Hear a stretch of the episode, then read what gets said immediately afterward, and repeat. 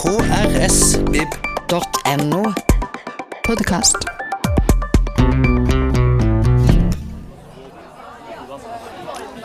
Ja, hjertelig velkommen til sommerbibliotek i Ravndalen på Kafé Generalen. Og jeg må jo bare si at vi har hatt 14 sommerbibliotek der det alltid har vært solskinn. Men i dag er vi jo ikke her for å ha det morsomt, så vi måtte få litt utfordring. Men altså, hun, debuterte med 'Orgien' og andre fortellinger i 2010. Det store gjennombruddet kom med 'Nei og atter nei' i 2016. Eh, for den såkalte legromanen da, eller den har som eh, ettertittel, det er faktisk 'Full spredning', mottok hun Brageprisen. Har solgt over 100 000 eksemplarer. Og oversatt til 20 språk var det i mai. Det kan være det har kommet noen til, jeg vet ikke, men det var iallfall 20 språk i mai. Og med dette så skulle en kanskje tro at vi ikke var her for å ha det moro, men jeg tror faktisk vi skal få det ganske gøy her på scenen. På dette som er blitt en tradisjon her, da, med at Kristiansand folkebibliotek flytter ut på sommeren til eh, det Ole Paus kaller eh, Norges fineste friluftsscene.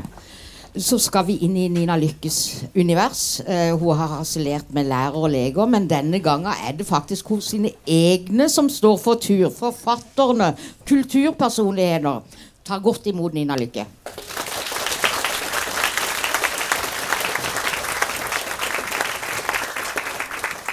Men skal vi rett og slett uh, Så hyggelig at du er her.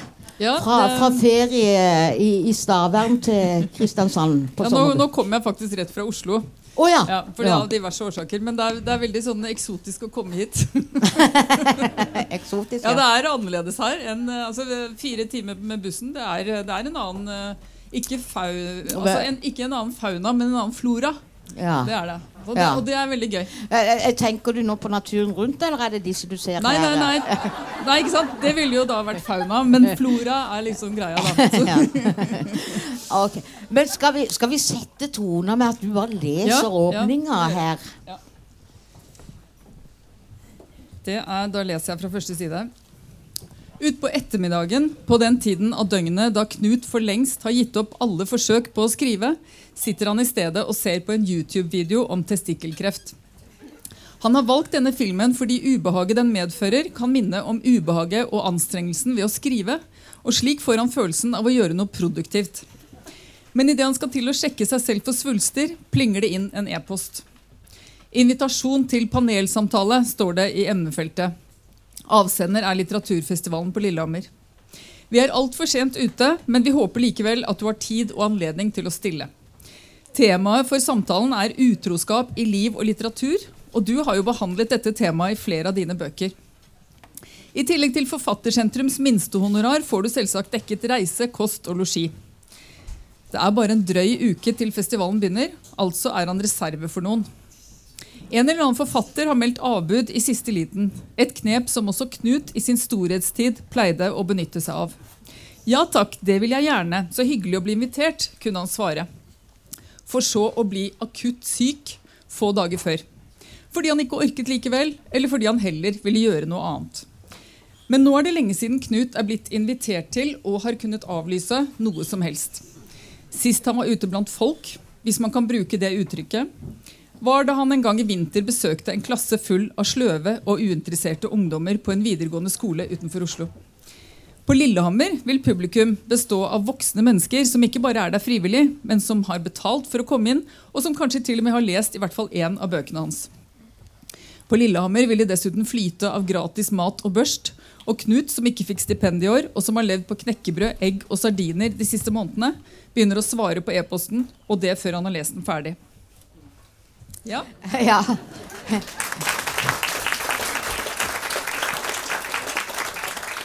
Nå drøyer det riktignok litt før han faktisk svarer ferdig. Han, han Ja. rekker å tenke seg om, men, men uh, uh, det er noe med det med Altså, han har jo da skrevet det han sjøl kaller den berømte boka, da. ja, det har han. Ja. Og det, men det er mange, det er jo to tiår siden. Det er litt over to tiår siden, faktisk. Så han, eh, og han har ikke på en måte greid å, å toppe den boka, eller rett og slett komme på høyden av den engang. Eh, og alle vil egentlig bare høre hvordan det går videre med de personene i den boka. Men det har ikke han helt greid å, å få fot på. Så han eh, har prøvd seg med tre andre bøker, tror jeg. Ja. Og de har stort sett blitt ganske lunkent mottatt. da. Så han har gått liksom herfra ned hit på sånn hierarkiet. da. Så det er liksom det motsatte av sånn som jeg har gjort.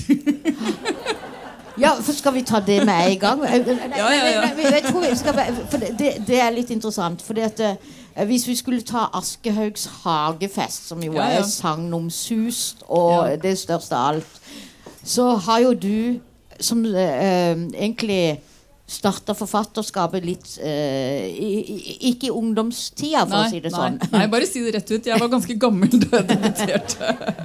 Jeg, Men- var, jeg var 45 år da jeg debuterte, og jeg var jo over 50 da det tok av med nei og atter nei.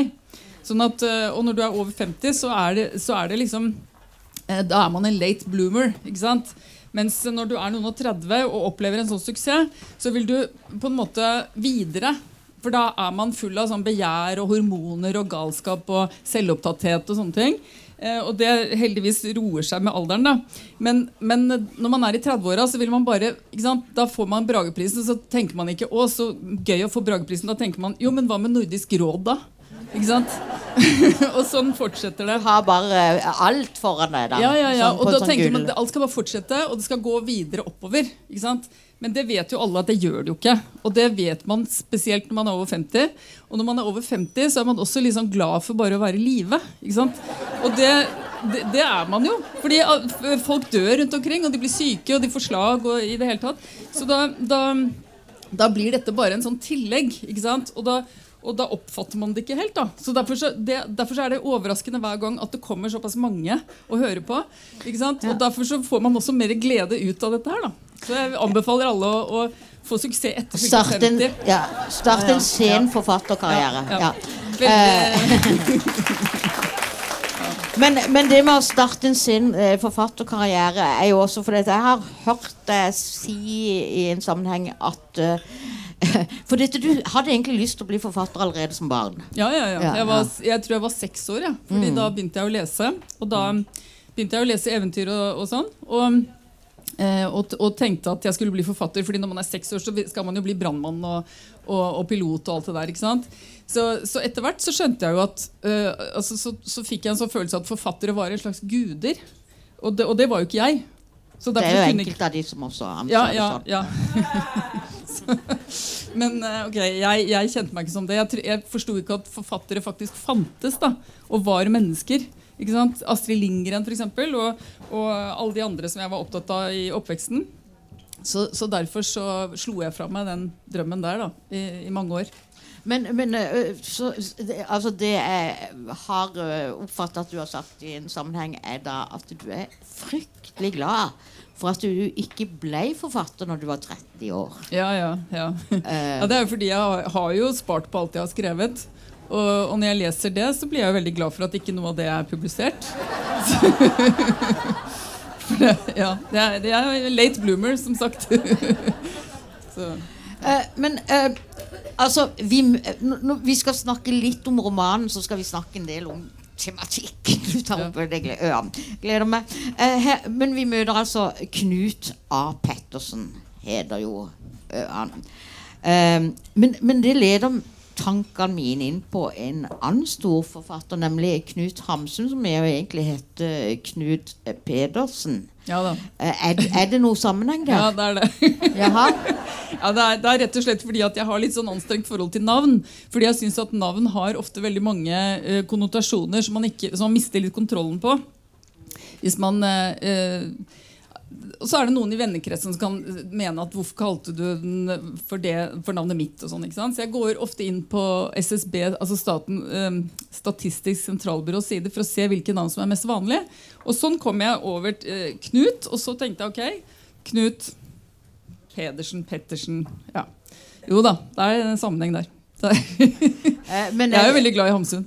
Ja, men eh, er, er de to forfatterne, din eh, litterære figur og Knut Hamsun, har de et uh, fellesskap? Nei, de har bare navnet felles, altså. Ja. de har det. Ja, for det har Det, var, jeg. det er fantasiløshet fra min side. Jeg vil, ikke, jeg vil at de skal hete mest mulig nøytrale ting. sånn at når jeg skriver manus, så kaller jeg dem ofte for A og B og, og C og D og sånn.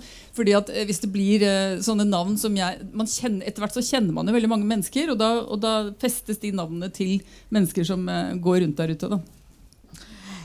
Vi, vi, vi skal snakke litt Litt mer om romanen. Men jeg, jeg, når vi først er på de navnene, så syns jeg det er litt morsomt. For dette, eh, du, du, du griper tak i navnebruk.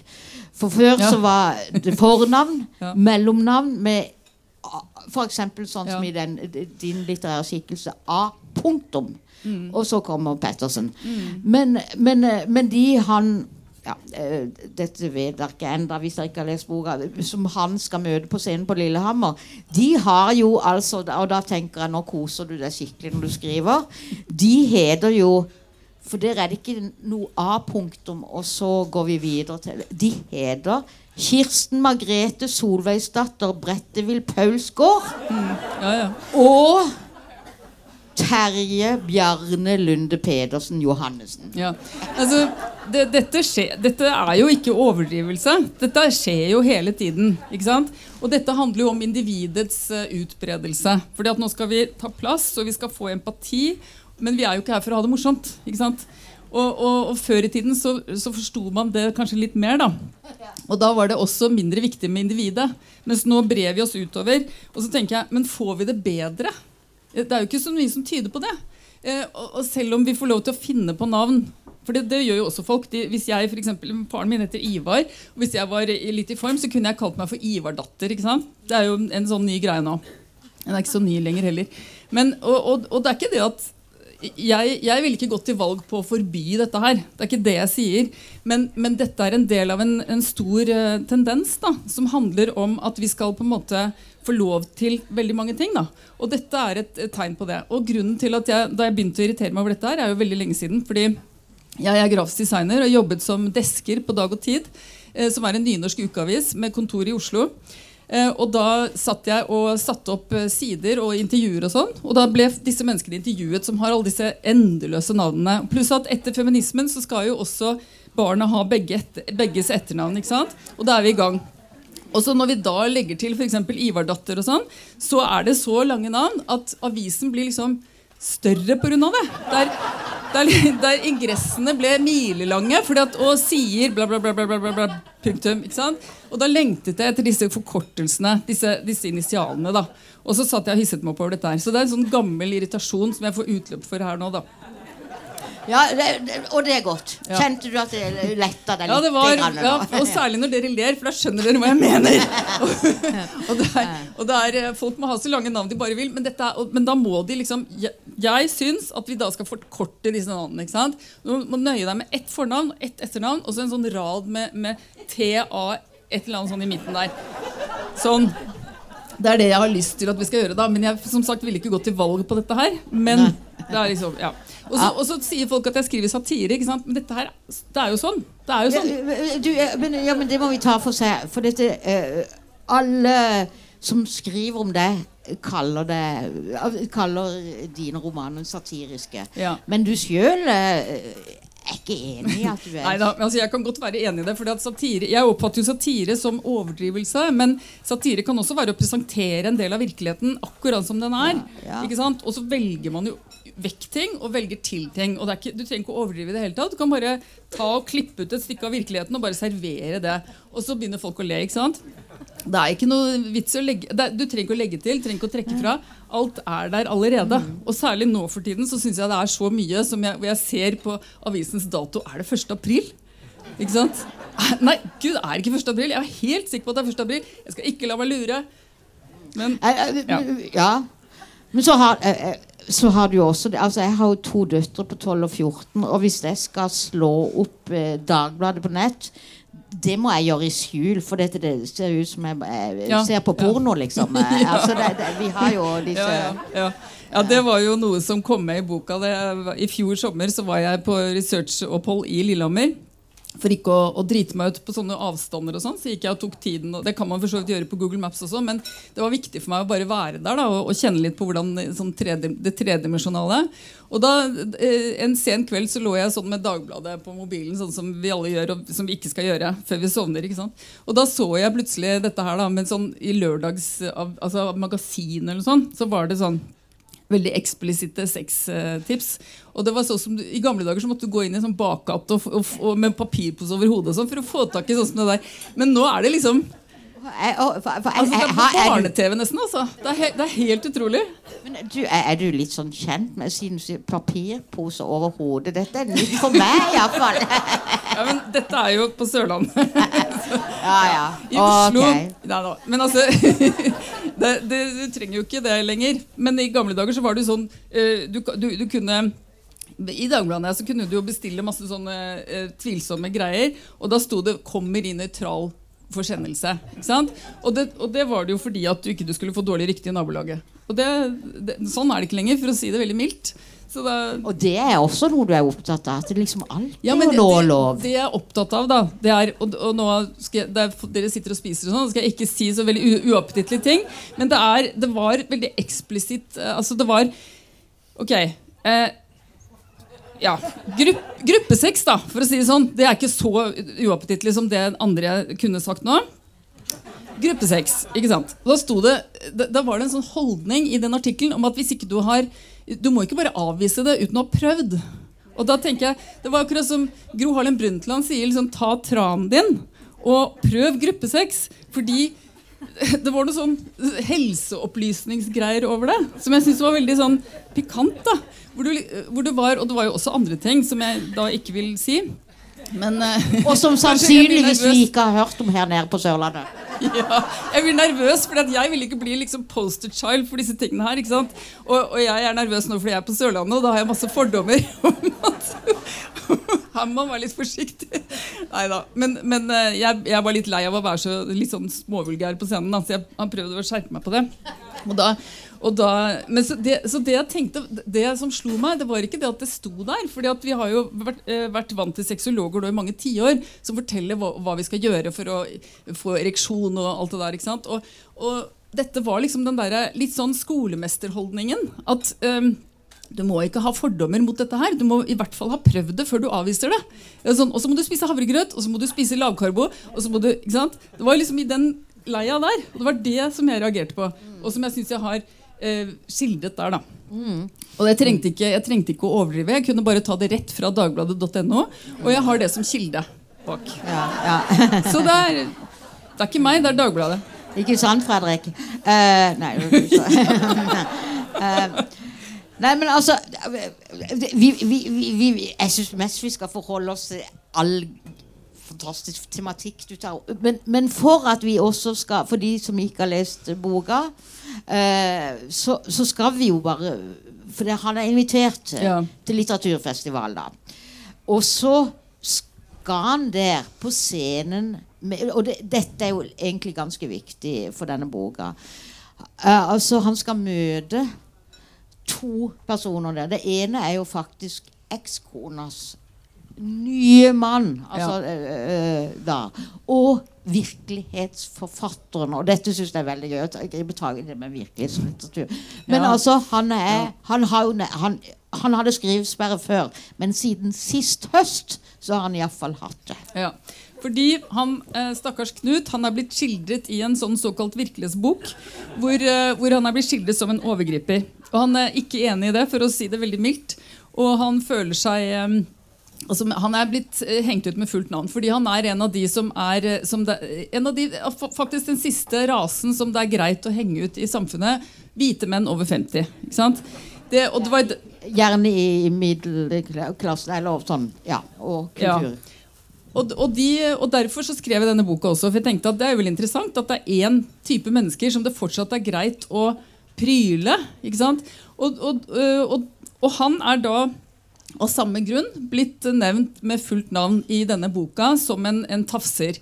på en, en sen fest. Og, og fordi hun som skriver disse virkelighetsbøkene har skrevet såpass mange drøye ting om såpass mange andre, så har han gått litt under radaren. Og, og det er jo også fordi at han rett og slett er en som ikke folk bryr seg om lenger. ikke sant? Og hvis de på Lillehammer hadde fulgt litt med, så ville jo ikke de invitert han opp på scenen med dette mennesket her. Så det sier jo litt om hvor, hvor i bakevja han er. da, ikke sant? Og så, så Han skal opp på scenen med de to menneskene han hater mest i hele verden.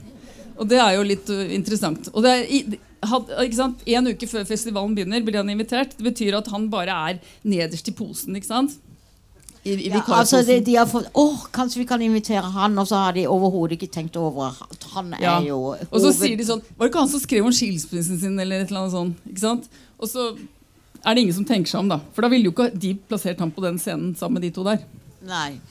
Men eh, jeg lurer på vi, vi, Hvis vi kombinerer, holdt jeg på å si, denne boka altså, ha, Har du noen tanker om denne såkalte virkelighetslitteraturen? ja, men altså, Jeg elsker jo virkelighetslitteratur. Jeg synes det er, Gjør du eh, det? Ja, ja, jeg gjør det. Jeg hiver meg over det. Jeg. Det er jo eh, det er Se og Hør for P2-segmentet. ja. Men det er jo veldig godt skrevet også. fordi at folk, eh, Når de skriver seg selv Jeg merker jo det selv også. Jeg, jeg skriver jo dagbok, og det, det, går, eh, det, det svinger veldig fort. fordi at det er meg, det er mitt liv. ikke sant? Det er, eh, jeg, skjønner, jeg, jeg, er faktisk veldig på mange måter veldig tilhenger av, av virkelighetslitteratur. Jeg, jeg synes Det var fantastisk da Knausgård kom med, med disse bøkene sine. Hvor De to første synes jeg var veldig bra, men så syns jeg det dabba litt. ikke sant? Fordi, og det er jo fordi han satt jo og skrev omtrent mens trykkepressa gikk. ikke sant? Så da blir du selvfølgelig litt pløsete. Eller det står i fare for å bli det. Men, men, eh, så jeg er ikke imot det. Absolutt ikke. Jeg ville vil ikke forbydd det heller hvis jeg hadde blitt statsminister. Da ville jeg forbydd de der lange navnene, men jeg ville ikke forbydd eh, virkelighetslitteratur. ikke sant? Nei, men Noe du ville ha forbydd Men- hvis du ble statsminister, det var jo å Eller du ville satt inn alle som ikke nødvendigvis er, men ser kriminelle ut. De skal inn på glattcella, har du uttalt. Hvis du ble statsminister, Oi, jeg trodde jeg bare hadde sagt det hjemme på kjøkkenet. så er det jødepodden. Nei, jeg. Nei, gud, du har virkelig Du har gravd rundt, altså. Jeg skjønte jo at jeg måtte det, Ja, for du, du- er opptatt av Ja, at man skal okay, være godt da, for. da er det ute, da er det ute, da. da. Da kan jeg si det. Da kan jeg, jeg liksom utvikle det. Fordi når jeg går på gata i Oslo, så kan jeg kan alle dere også kunne sett hvem som er kriminelle. De, de averterer det jo. Altså, De har masse tatoveringer som går oppover her, og de går på en sånn måte. Og de har uh, treningsdrakt og alt det der. ikke sant? Det er bare OK, uh, hvem er du? Vis meg legitimasjon. Sånn hadde jeg holdt på da. sant? Hadde fått, uh, kriminaliteten hadde gått ned med en gang. Men det, dette går det ikke an å si. Men hvor lenge skulle de sitte inne? nei, det, det vi kommer tilbake til. Det kommer an på hva de har du gjort. blir Det kom, statsminister, ja, så men det kommer vi kommer an på hva de har gjort, selvfølgelig. ikke sant? Ja. Nei, nei, men jeg er jo tilbake til virkelighetslitteraturen, da. Jo, jo, jo, men jeg kan godt si noe mer om virkelighetslitteraturen. For Mm. jeg var jo i gang med det. Fordi at det jeg tenker er at når du skriver altså, Jeg mener jo at alt er virkelighetslitteratur, og ingenting er virkelighetslitteratur. ikke sant? Fordi at når jeg skriver, så avslører jo jeg veldig mye om meg selv. Selv om jeg ikke vil det, så gjør jeg det. Og, og det, selv om jeg da skriver såkalt fiksjon, så er jo alt i den boka der sant. på en eller annen måte. Ikke sant? Jeg har jo opplevd, uh, ikke jeg personlig, men mye av det som er i den boka, har jeg opplevd personlig. Og veldig mye har jeg hørt om og vet om at har skjedd. ikke sant? Uh, men i det øyeblikket jeg ville satt meg ned og eh, sagt til meg selv nå skal jeg skrive virkelighetslitteratur, så ville jo fiksjonen slått inn med, ved det første liksom, tastetrykket på tastaturet. Fordi jeg ville måtte velge ut så mye, velge vekk så mye, for å lage en leselig historie ut av dette her. Fordi virkeligheten er ikke leselig. Den er fullstendig uleselig, og den er full av absurde sammenhenger.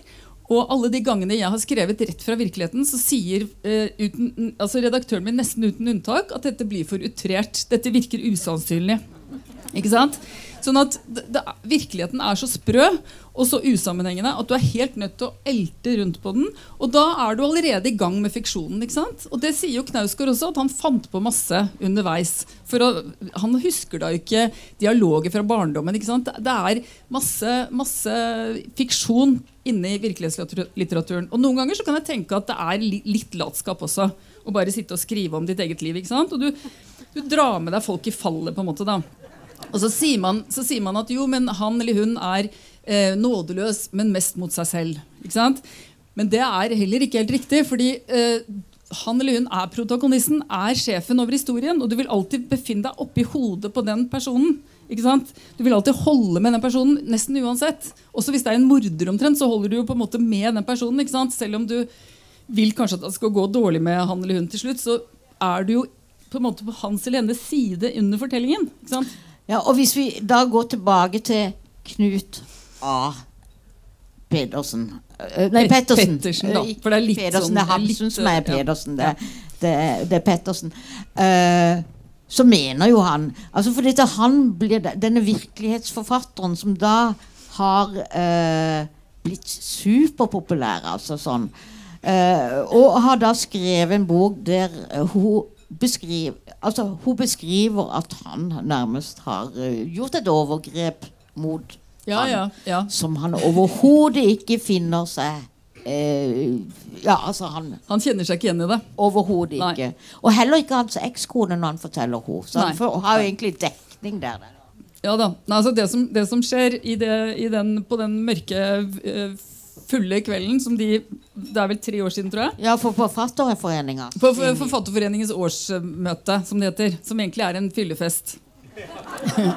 og og da, da, da er det altså det er jo noe med I metoo For dette her er jo en metoo Selv om jeg ikke nevner ordet metoo i denne boka, her, så er det selvfølgelig eh, inspirert av mange av de eh, hendelsene i metoo-bevegelsen. Eller, eh, eller revolusjon, eller hva man skal kalle det. Um, og, og da er Da, da syns jeg veldig ofte at det ligger veldig mye misforståelser i, i bunn av disse eh, litt mildere hendelsene, da, vel å merke. Eh, og, da, og da ser jeg sant, at vi, i, vi har en sånn illusjon om at kjønn er en sosial konstruksjon. Eh, det er det ikke. Det er, det er det jo beviset på overalt hele tiden. Og vi har forskjellig seksualdrift, menn og kvinner. Og menn tror ofte at kvinner er kåtere enn de er. Og kvinner tror gjerne at menn er mindre kåte enn de er. Ikke sant? Ja, dere skjønner, It's funny because it's true. Jeg trodde vi eh, kvinner trodde mer kåte enn Nei, nei, mindre, altså. Ja. Jo, jo, men altså, nå, nå mener jeg ikke nå snakker jeg litt sånn generelt, da. Det kan jo være, det kan jo være unntak her. Jeg, sier- Du tenkte at du Kanskje var på Sørlandet, så da skulle du dra det litt ned. Nei da, nei, nei da. Jeg, jeg, altså, men, men jeg tror det er veldig mye der. Fordi eh, disse vennskapene mellom menn og kvinner blir jo ofte, jo ofte, strander jo ofte på det. ikke sant? At mannen vil på et eller annet tidspunkt at de skal gå videre. Og kvinnen vil ikke det. Vil at de skal fortsette å være venner. ikke sant? Det er, det er en klassisk misforståelse. Og det, dette her er jo en altså det, Den hendelsen på det, dette møtet, da, dette såkalte møtet, det er, det er jo at eh, hun er ganske sånn pågående på han. Men hun, opp, hun oppfatter altså, Og så tenker han i løpet av kvelden at nå, må, nå er det min tur til å ta litt initiativ her. Nå er det hun som har jobbet hele kvelden og vært liksom gæren og dratt meg i skjortekraven og gamle mann og ha-ha. Sode på fanget og Sitt, sitte på fanget seg Ja, ja, ja, og han har fått ereksjon, ikke sant? Og, og blitt, litt- og, og blitt Såkalt ufrivillig, egentlig. Ufrivillig ereksjon, ja. Og, det, var jo, det måtte jeg jo bare ha med da når jeg skulle skrive om en mann. ikke sant? For det, jeg synes det er så morsomt, for De får ereksjon når de ikke skal ha det, og så får de det ikke når de skal ha det. ikke sant? og det er sånn som vi kvinner er veldig fritatt fra. Jeg er veldig, veldig, veldig glad for det. For det, det hadde ikke jeg orket å leve med, tror jeg. Den, eh, det presset der, altså. Så jeg hadde Ja. Men, men ja. Og så, så hele kvelden er liksom eh, litt sånn at han kjenner at nå er det snart min tur. Nå må jeg gjøre noe snart. Ikke sant? At, og, så, og så er de fulle, da. Altså Ta vekk alkoholen, og det ville ikke eksistert metoo, tror jeg. Altså, bortsett fra Harvey Weinstein. da For han trenger ikke alkohol. Men så, så tar han henne rundt rumpa, liksom. Sånn skikkelig tak, da. For han tenker, at, han tenker bare at nå må jeg gjøre noe. liksom Og da blir jo han, hun stressa, for han er jo mye høyere enn henne og mye større. ikke sant? Det er jo den der evige forskjellen der da som vi alltid må tenke på, som vi alltid må ta med i beregningen. Og som også gjør at, noe, at kjønn er ikke en sosial konstruksjon. Kjønn er en, en, en ganske sånn hard virkelighet. Og, og da blir jo hun mer stressa enn det han er klar over. Fordi menn eh, undervurderer hvor redde kvinner kan være for dem. ikke sant? Og, og vi undervurderer og overvurderer hverandre hele tiden på alle mulige områder. Og, og da blir hun plutselig veldig sånn redd. ikke sant? Og, så, og da, da spiller hun da, da spoler hun hele kvelden tilbake, og så spiller han av en annen, eh, i en helt annen eh, toneart. da, Når hun skal skrive om den. Så hun ljuger på en måte så hun tror det selv. ikke sant? Og det er, det er fordi at hun føler at nå er, hun, nå er det skjedd et eller annet sånn, eh, sånn ekkelt, og da har han vært ekkel hele tiden. Han har vært ekkel hele kvelden, selv om han egentlig ikke har vært det. Og hun har på en måte gitt signaler som han har tolket feil. da. Ja, hvis jeg bare, kan jeg tilføye en liten sånn Hva du faktisk Men nå, nå er jeg ferdig. Nå satt jeg og tenkte nå må jeg holde kjeft, for ellers så snakker jeg for mye om denne boka. Ja. Og, og Nei, det- ja, ja, ja, ja. ja. Og, og vi, vi skal, Jeg skal jo snakke snakke om boka. Jeg kan love at vi, vi, vi, vi har passe balanse på å snakke om boka. Og ikke si alt som kjøp av skjer. boka. Altså. Men, men, men sånn som jeg leser det, da, så er det en setting der det er en ung, eh, fremadstormende forfatter som bare tar sin elsk på Knut, som er vår mann her, da. Eh, og som setter seg på fanget og bare omsvermer han og holder på gjennom en hel kveld. Og han med vitne på egentlig hans ekskone. Han er jo ikke sånn. Han må, trenger jo av kvinner virkelig For han tør jo han, er, han har ikke vært en sånn sjarmør som har bjuder det på seg selv. Nei da, liksom. nei da. Nei. Så, sånn at når han på slutten der da kjenner at eh, OK, så tar han hun på rumpa. Og det er det hun har, som Ja. hun da Ja. gjør til en virkelighetsroman som er Ja, ja, og det er jo uomtvistelig at han faktisk har gjort det. Ja, det er helt klart at han har gjort. Ja, ja. ikke sant? Men, men hva skjedde før? Og Mm. alt det der. Og så blir det jo veldig, sånn- litt sånn farlig farvann, fordi ja vel eh, Sånn voldtektssaker, ikke sant? Ja, hvordan var hun kledd og sånn. Det, det er klart, Vi, vi er jo ikke der. men men, men det fins jo veldig mange nyanser her også. da og, og, og jeg skrev virkelig ikke denne boka her for å nå skal jeg ta et oppgjør med metoo. Det gjorde jeg Nei. absolutt ikke. Men Jeg tror du, syns, du ikke, tror du et lite oppgjør med virkelighetslitteraturen? Ja, det gjorde jeg kanskje. Ja. men, men eh, nei, altså jeg vet ikke. Jeg, jeg, jeg sitter og ser meg rundt, og så bruker jeg møblement fra samtiden. Og Virkelighetslitteraturen har dominert uh, litteraturen ganske lenge nå. Og, og det har den gjort egentlig fra ganske mye før. I, i, eksempel i Sverige med Lars Noréns dagbøker, som kom på begynnelsen av 2000-tallet, slutten av 90-tallet. faktisk. Det var jo det som inspirerte Knausgård. Og, og, uh, og Ulf Lundell. Jeg sitter og leser uh, Vardager eh, 8 og 9. Det er to, sånne mursteiner som jeg nesten Jeg greier ikke å lese, for de er så tunge. ikke sant? Det er eh, svære bøker hvor han skriver om hverdagslivet sitt. Og de er faktisk veldig velskrevne og veldig hyggelige å lese. Men du blir jo litt sånn lei, for det, det skjer jo ikke noe, egentlig. Det er ikke noe sånn 'Hvem er morderen?' Hva vil hovedpersonen? Kommer han til å klare det? ikke sant? Det er bare sånn I dag kom det noen og reparerte vaskemaskinen. Men han greier allikevel å få det til å bli interessant. da, Eh, men uh, Utrolig nok. men fins det egentlig to typer virkelighetslitteratur? Altså, det er jo fordi det er Ulf Lundell, ikke sant? Ja. Det, hallo, Hvis hvem som helst hadde skrevet det der, så ville det jo selvfølgelig ikke blitt utgitt. Ja. nei, ja. men, men jeg har en sånn fornemmelse at det fins to typer virkelighetslitteratur. Altså sånn som du sier, det, og, og med Knausgård, altså der man faktisk oppgir navn og alt sånn. Og så er det noen som blir anklaga for å ha skrevet virkelighetslitteratur. Når de har skrevet en Ja, roman er to- med fiktive navn og alt, og så ja. kommer det i. Aftenposten på første side. Mm. Dette er virkelighetslitteratur, og man blir forfulgt. Altså, det, det er noe da- rart, det. Men da er vi inne på noe veldig viktig. Fordi Knut han tenker, når han leser dette her, som han har gjort da for, fler, for kanskje nesten et, et halvt år siden allerede, så tenker han 'never complain, never explain'. Fordi, Og det er sånn motto som kongefamilier hadde før i tiden. i hvert fall da. De har det ikke lenger nå, men, de hadde det før. Og hun som døde nå, hun, øh, dronning Elisabeth, hun hadde jo helt klart det som motto. ikke sant? For eh, Han har tenkt at hvis jeg bare holder kjeft lenge nok, så er det ingen som så kommer dette her til å blåse over. Og så kommer hun til å skrive en ny bok som med nye skandaler. Og, og så videre, ikke sant? Sånn at det som er poenget Hvis noen skriver om deg i en bok, det er å holde helt kjeft. For hvis du da, og selvfølgelig, da blir man jo et gissel for den boka. ikke sant? Hvis du kjenner deg veldig igjen, og så sier 'hallo, eh, dette finner jeg meg ikke i', så vet jo i hvert fall hele verden at det er deg. ikke sant? Så det er, det er jo også et, et moment, da. Men det gjør jo at man kommer i en knipe ikke sant? som forfatteren har satt deg i. da. Ja, og da vil jeg bare si Og dette skal vi ikke snakke om her på scenen, men eh, Knut og hans eh, eh, ekskones mann, som også er forfatter, og virkelighetsforfatteren møtes på scenen i noe som heter Utroskap i liv og litteratur. Det skal de tre debattere, da. Så det kan jeg egentlig bare sånn glede deg til å, å lese om. Og jeg, vi skal ikke utdype det her, men det, for det er så mye annet vi kan utdype. Og, og, og, blant, men noe ja, Nå går, går jeg faktisk tilbake til romanen likevel. For dette, du, du skriver Du skriver at eh, det er vanlig at mannlige forfattere gråter så tårene drypper ned i tastaturet under skriveprosessen. Er Ja. dette noe du har belegg for? Ja, det har jeg. Jeg, har, jeg leser og, og intervjuer og, og kronikker og alt mulig rart. Og jeg leser på Facebook, og jeg har masse belegg for dette her. Fordi når Knausgård begynte å snakke om hvor mye han gråt, og han faktisk gråt i intervjuer òg, så tror jeg det ble moderne blant uh, mannlige forfattere å gråte. Og det, og det så jeg så mange eksempler på. Jeg tenkte å nei, nå begynner han å grine. Å, nå begynner å nei, han begynner å grine. Og jeg ble litt sånn, litt sånn lei av det, rett og slett. Fordi, ikke, ikke fordi jeg syns at de skal være macho, og sånn, men fordi det gikk litt sånn mote i det. Og, og da tenker jeg sånn ja, men Hva gjorde dere før i tiden, da? På 40-tallet og 50-tallet? Da var det jo ingen menn som gråt. Og plutselig så gråter alle nå fordi at det er blitt godtatt. ikke sant? Og da gjelder det å liksom få fram de tårene, og det gjelder å snakke om at jeg gråt da jeg skrev og, og sånne ting.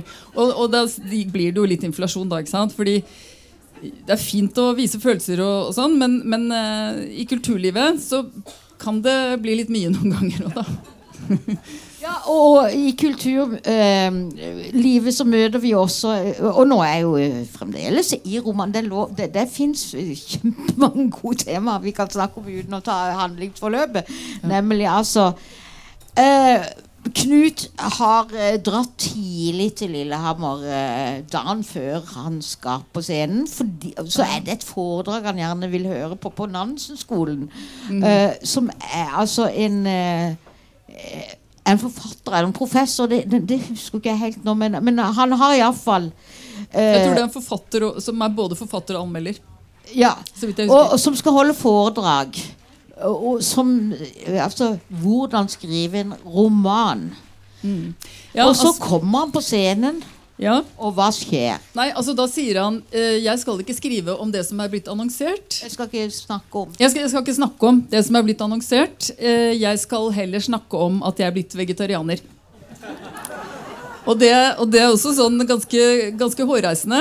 Men, men, eh, og jeg har det fra virkeligheten. Fordi J.M. Kotze, som er nobelprisvinner fra Sør-Afrika, han kom til Lillehammer, og det eneste han ville snakke om, det var at dyrene opplever holocaust hver dag. Ikke sant? Og det kan han ha rett i. alle hadde så lyst til å høre om han litterære Ja. univers. Men han ville ikke snakke om det. Han ville snakke om høns, hønsehold og dyrehold. ikke sant? Og det, det er jo veldig morsomt. Eh, Altså, det som er morsomt, ikke sant? det er jo ikke at han vil gjøre det, for det, alle vil gjøre alt mulig hele tiden. Han får lov til det. Han får lov til å snakke om kun det å være vegetarianer, og det at alle bør bli det. Han, han får være aksjonist hele den uka på Lillehammer.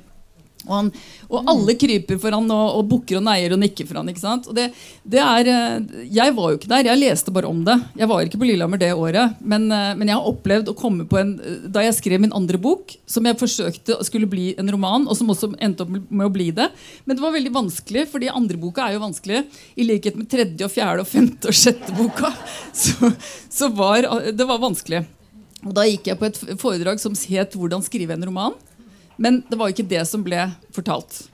Og da ble jeg ganske forbanna.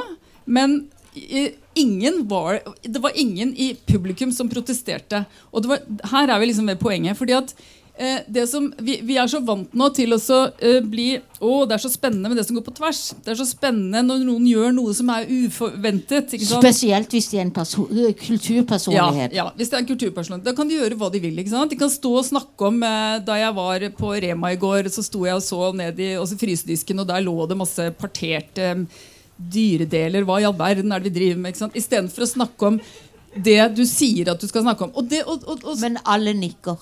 Ja, alle sitter, Først så blir det litt uro, men så sitter folk sånn Åh, spennende. Veldig, sp- ah, ja, veldig spennende. Gå på tvers. Ja, eh, uko, Ukonvensjonell. Ukonvensjonell, ikke sant. Og så, og, og så fikk, får jeg en sånn eh, assosiasjon da, til at jeg, jeg var i Bergen. Jeg landet med flyet i Bergen. Pleier å ta tog. Tok flyet denne gangen. Og da kom jeg for første gang til Flesland. Og der står det altså Bergen eh, med spørsmålstegn bak.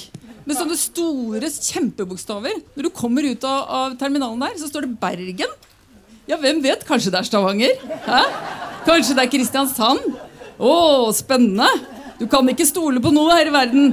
Og da, da tenker jeg sånn Hva i all verden er det vi driver med? Ja. For at dette her er helt sånn etablert, dette her nå. Det er så etablert at det er liksom Du kommer på en flyplass som er liksom noe, nesten noe militært, og så står det Bergen? Hm?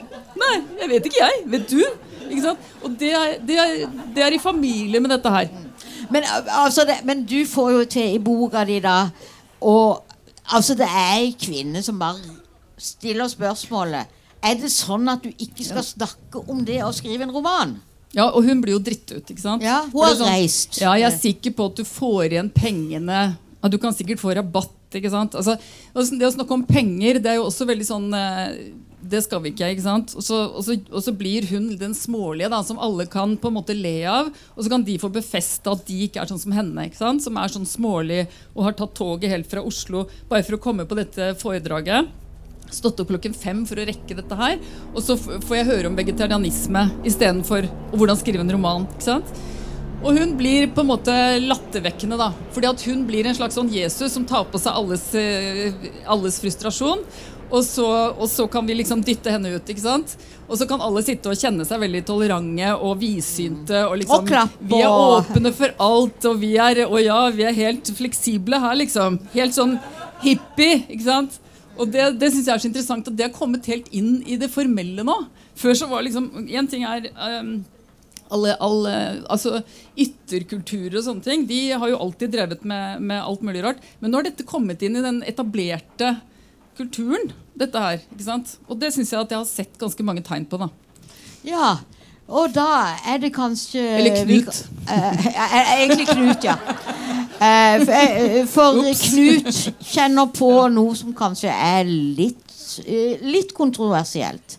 Fordi at han møter jo et par sentrale skikkelser i, i, kulturen på litteraturfestivalen. Altså, det er to somalier med hijab og heldekkende drakter. Den Hvis det er noe kontroversielt, så er det Knut, ikke meg. Ja, ja, det er det jeg sier. Det er Knut.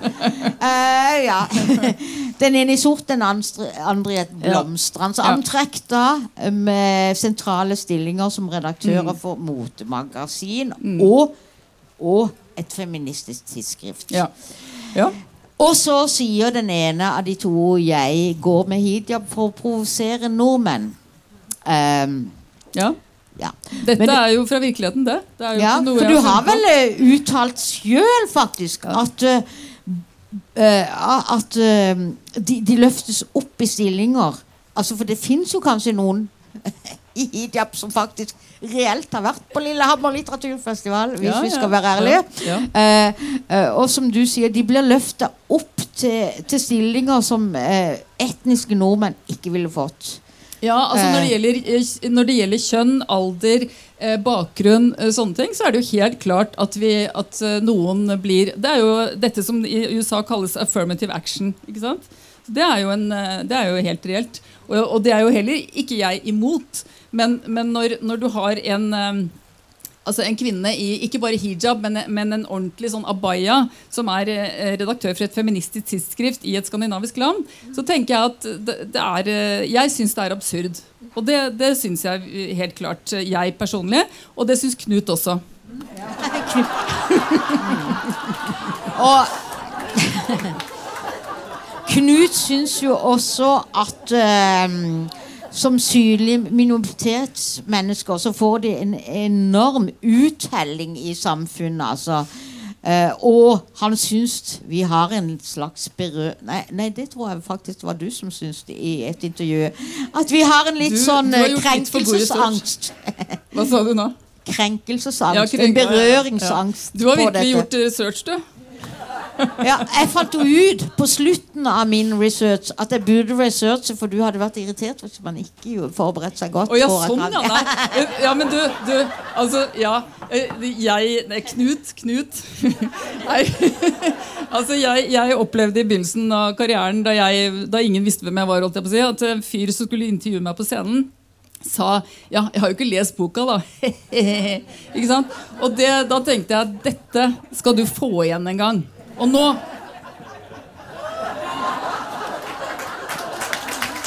Og det, det har jeg ikke opplevd siden, altså. Jeg opplevde den ene gangen. Men jeg opplevde å se andre gjøre det med andre folk med, som publikum. da, så har jeg sett andre, det, det, har, det skjer. Og, og da men det er så veldig forsvinnende prosentandel som gjør dette. da bare, Og det står i boka også. At de fleste gjør faktisk jobben sin. Og du gjør den jo veldig bra, da. Tusen takk. Dere er vitner nå her. Jeg skal ta med til sjefen. Litt, litt for bra. Fordi du, du har funnet ut Du kommer med mange ting som jeg Å ja, ja. ja. Nei, men Du du, det, ja. eh, Ibo, eh, du har kost deg litt når du har skrevet denne boka. Eh, Liksom å dra inn masse kultur Jeg, jeg, jeg, jeg har jeg må si at jeg har ledd veldig godt underveis. For det. Og nå har jeg veldig lyst til at vi skal snakke litt om eksperimentell kunst. Oi, ja. for meg. Ja, ja. Som du uttrykker Ja. i, i, i varianter her. Um, ja. Blant annet ja, for regissører her og sånn. Så uh, altså Jeg, jeg tenker mest, mest på, på sånn eh, installasjonskunst. da Det er jo det, det i hvert fall Knut snakker om i boka. ja, da, da, da har vi jo det Fordi han- er jo redd for at folk skal slutte å lese bøker. fordi at eh, Når du ser disse her telefonkioskene som er fulle av gratis bøker, og sånn, så, så er det mange som syns det er veldig fint, og sånn, men forfattere syns ikke det er så veldig gøy. At det er masse bøker som er gra til gratis. Eh, bare kom og ta, liksom. Eh, det står gratis bøker, står det på Fretex. ikke sant? Og der, eh, På Litteraturhuset i Oslo så er det jo masse bøker langs bokhyllene. Hadde dette vært for 30 år siden, så ville jo de blitt stjålet. ikke sant? De blir jo ikke det lenger. Så, så det er noe der da som gjør at, eh, at både jeg og Knut og flere forfattere er eh, litt sånn nervøse for framtiden. Og sånn. Og da tenker jeg ok, da må vi omskulere oss til kunstnere. Til eh, installasjonskunstnere. Og så tenker han på hvordan han skal gjøre det. da Og det må dere kjøpe boka for å lese. For det kan jeg i hvert fall ikke snakke om her. Nei, men det, det vi kan eh, nevne som egentlig står i boka Men får, der må jo eh, også her lese han for å få det Men jeg bare eh, nevner i forhold til at Knut tar opp eksperimentell eh, kunst, så er det noe med at det, det er jo alltid utstillinger på under eh, litteraturuka. Og, og i denne eh, utstillinga, som er da via festivalen og sånn, altså så er det en sånn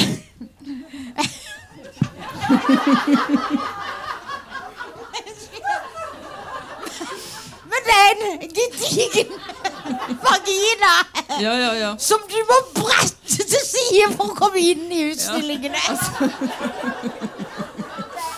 Dette er jo, dette er jo en, en utstilling som finnes. Fordi at igjen, Jeg finner jo ikke på noe. Jeg tar det jo bare rett fra virkeligheten. Der hvor jeg sitter og, og det jeg ser rundt meg. ikke sant?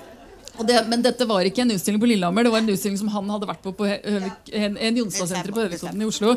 Så, men, eh, men det er jo også en sånn hvor jeg skriver kilden i, bak i boka. og sånn, fordi det, det fins. Det, det er ikke noe vits å overdrive lenger. Du kan ikke parodere ting lenger. fordi at virkeligheten er på en måte blitt en slags parodi. da og da, og da igjen dette med 1. april. At eh, man blir det, Kanskje det har noe med alder å gjøre. Fordi jeg er jo snart 60, og tenker kanskje det er jeg som bare er helt ute av takt med samfunnet. Ikke sant? Og jeg synes at alt blir bare veldig sprøere og sprøere for hver dag. Da.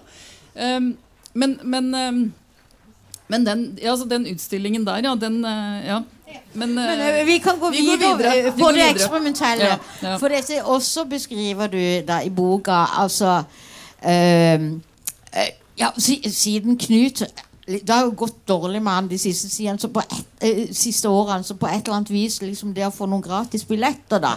Det har jo gått. Så han drar jo på en eksperimentell teaterforestilling som Ja. Eh, eh, som er altså er Ibsen et dukkehjem med barn. Med en regissør som velger at det skal være mest mulig umiddelbart. Så altså så har de ikke øvd engang. Ja, altså jeg, jeg ikke sant? Igjen, igjen, jeg trenger ikke å finne på noe. Fordi jeg var på en utstilling for mange år siden, en tegneutstilling. Var, det var veldig dårlige tegninger. Og så, det, så hørte jeg noen si til den andre Jeg syns det er veldig modig av henne å tegne så dårlig. Og det, det er også helt absurd. Det er jo helt absurd. Altså, hvorfor, hvorfor skal jeg gå på en, en tegneutstilling der hvor vedkommende har anstrengt seg for å tegne dårlig? Eh, hvorfor det? Altså, er det noe sånn dekonstruksjon av liksom Jeg vil jo heller mye heller se på Rembrandts tegninger. For de er jo gode. Det er å anstrengt seg litt. Gjort noe. Istedenfor skal jeg se på noen som liksom bare eh, har gjort et eller annet sånn med vilje dårlig. da Og da, da begynner vi å komme inn i sånn Keiserens nye klær-land. ikke sant? Ja, det- Ja. Hvor, du- hvor du står og liksom tenker Er det noen skjulte kameraer her? Er det noen som skal sjekke hvor langt de kan gå? liksom? Og hvor mye folk lar seg lure? Og da vil du gjerne ikke være en av dem. da Så jeg sitter jeg ser meg om etter skjulte kameraer liksom hele tiden nå. Jeg, jeg har faktisk i mine notater skrevet 'Keiserens nye klær', så jeg Ja, ja. fulgte opp Ja. på den nå, da. Nei. Men ja. du, jeg, jeg har en fornemmelse av Til tross for Jeg vet det kost, Det du snakka om, men det, vi rekker ikke å snakke om det. Det å koste, det å arbeide og sitte og skrive og, og jobbe. Så har en fornemmelse at du midt oppi det hele må ha kost deg litt når du har funnet din hovedkarakter, Knut. Ja, på en måte. øh, Men det er jo veldig mye jobb, da. Det er først og, først og fremst veldig mye jobb. Og, og, og jeg har en teori om at øh, hvis, hvis man virkelig har jobbet med en bok, så er den lett å lese. Eh, Men hvis du ikke har jobbet med en bok, så er den tung å lese. Fordi at De første utkastene er jo veldig tunge å lese, det, det som jeg eh, skriver. Så det, det er den der eh, redigeringen og jobbingen, og det husker jeg ikke som så veldig lystbetont. altså. Men, men en eller annen gang så må det jo ha vært litt gøy. Ikke sant? Nei, men, men det, Men, det jo, men nå skal jeg si noe, fordi eh, Folk spør liksom Ja, men du er jo veldig morsom. Hvordan, hvordan liksom, Har du det morsomt når du skriver? Det er mange som tror det. Men jeg har det ikke morsomt når jeg skriver. altså. Jeg er ofte veldig sint og irritert. Og mye sånn negative følelser. At det er sånn fyrt opp av et eller annet som ikke er så veldig positivt. altså. Og da, men, men så blir det morsomt etterpå. Så når jeg leser gjennom, så kan jeg jo le så jeg griner selv. Ikke sant? Av dette mennesket som har sittet der og Ikke sant? Så det, ja. Men problemet er jo det at vi er jo ikke her for å ha det morsomt. Det, det, det, er vel det, da. Det er Eh, ikke det. nei, men, men jeg- jeg tenker at underveis må du et eller annet vis kost litt. For dette, når du går inn på alle disse her sidene med kulturlivet Det fins flere ting av det som dere kan kose deg med. Altså. Men ja. så, så må du ha hatt en litt sånn eh, Litt agenda. Litt For jeg, jeg, Ja. du, du, du har litt av Knut, Ja da. hovedpersonen, i det. Har du ikke det? Jo, jeg har det. Det er jo det jeg sier. Man, man kan jo ikke skrive eh, fiksjon heller uten å, uten å avsløre ganske mye om seg selv. Men altså, det er jo én passasje hvor jeg alltid ler og får sånn latterkrampe når jeg skal lese opp. Og det er den der eh, beskrivelsen av Knuts installasjon. da Hvor han skal Ja. Ja, Men det må dere kjøpe boka for å få vite. Men vi kan si eh, så, røpe såpass at den installasjonen har noe med Nei, nå jeg glemt eh, Altså med eh, og heter det? Altså når penisen reiser Altså hvor det er og masse Nei, nei, nei! nei. Nei, det, nei, det var, den, det var den han ble inspirert av. Ja, ja. Nå husker jeg hva det er. Ja, vi er. sier ingenting om hva det er. Eh, men eh, det er jo Knut, din hovedperson. Eh, han var jo den som alle snakka om på Aske, altså det stedet våre alle steder, Aschehougs hagefest. eh, som kanskje i 2022, når romanen kommer ut, har havna hos vaktmesteren, mens du begynte på Aschehougs hagefest hos blant vaktmesteren.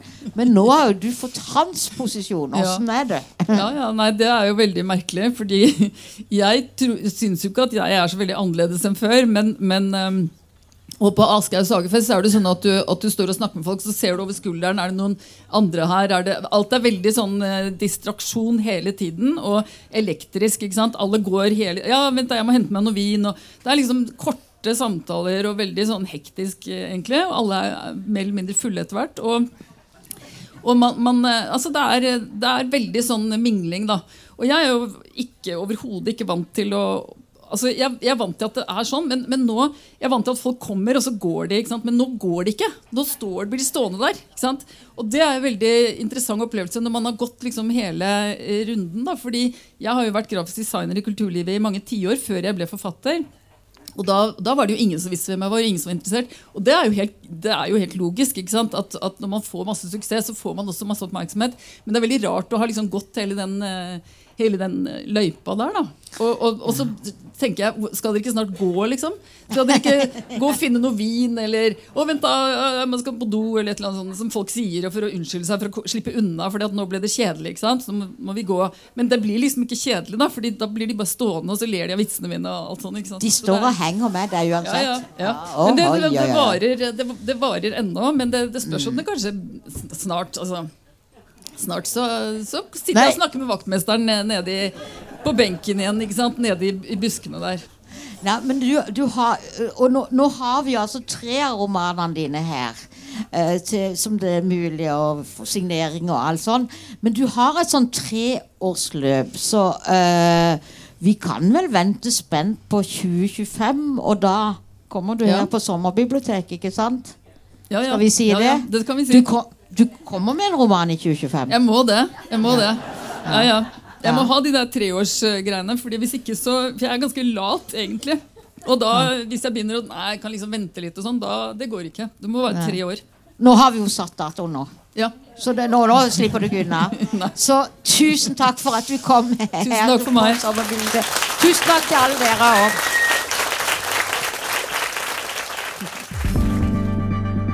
Flere podkaster fra oss finner du på Google Podkast, Apple Podkast eller iTunes, eller ved å stikke innom vår hjemmeside på krsbib.no.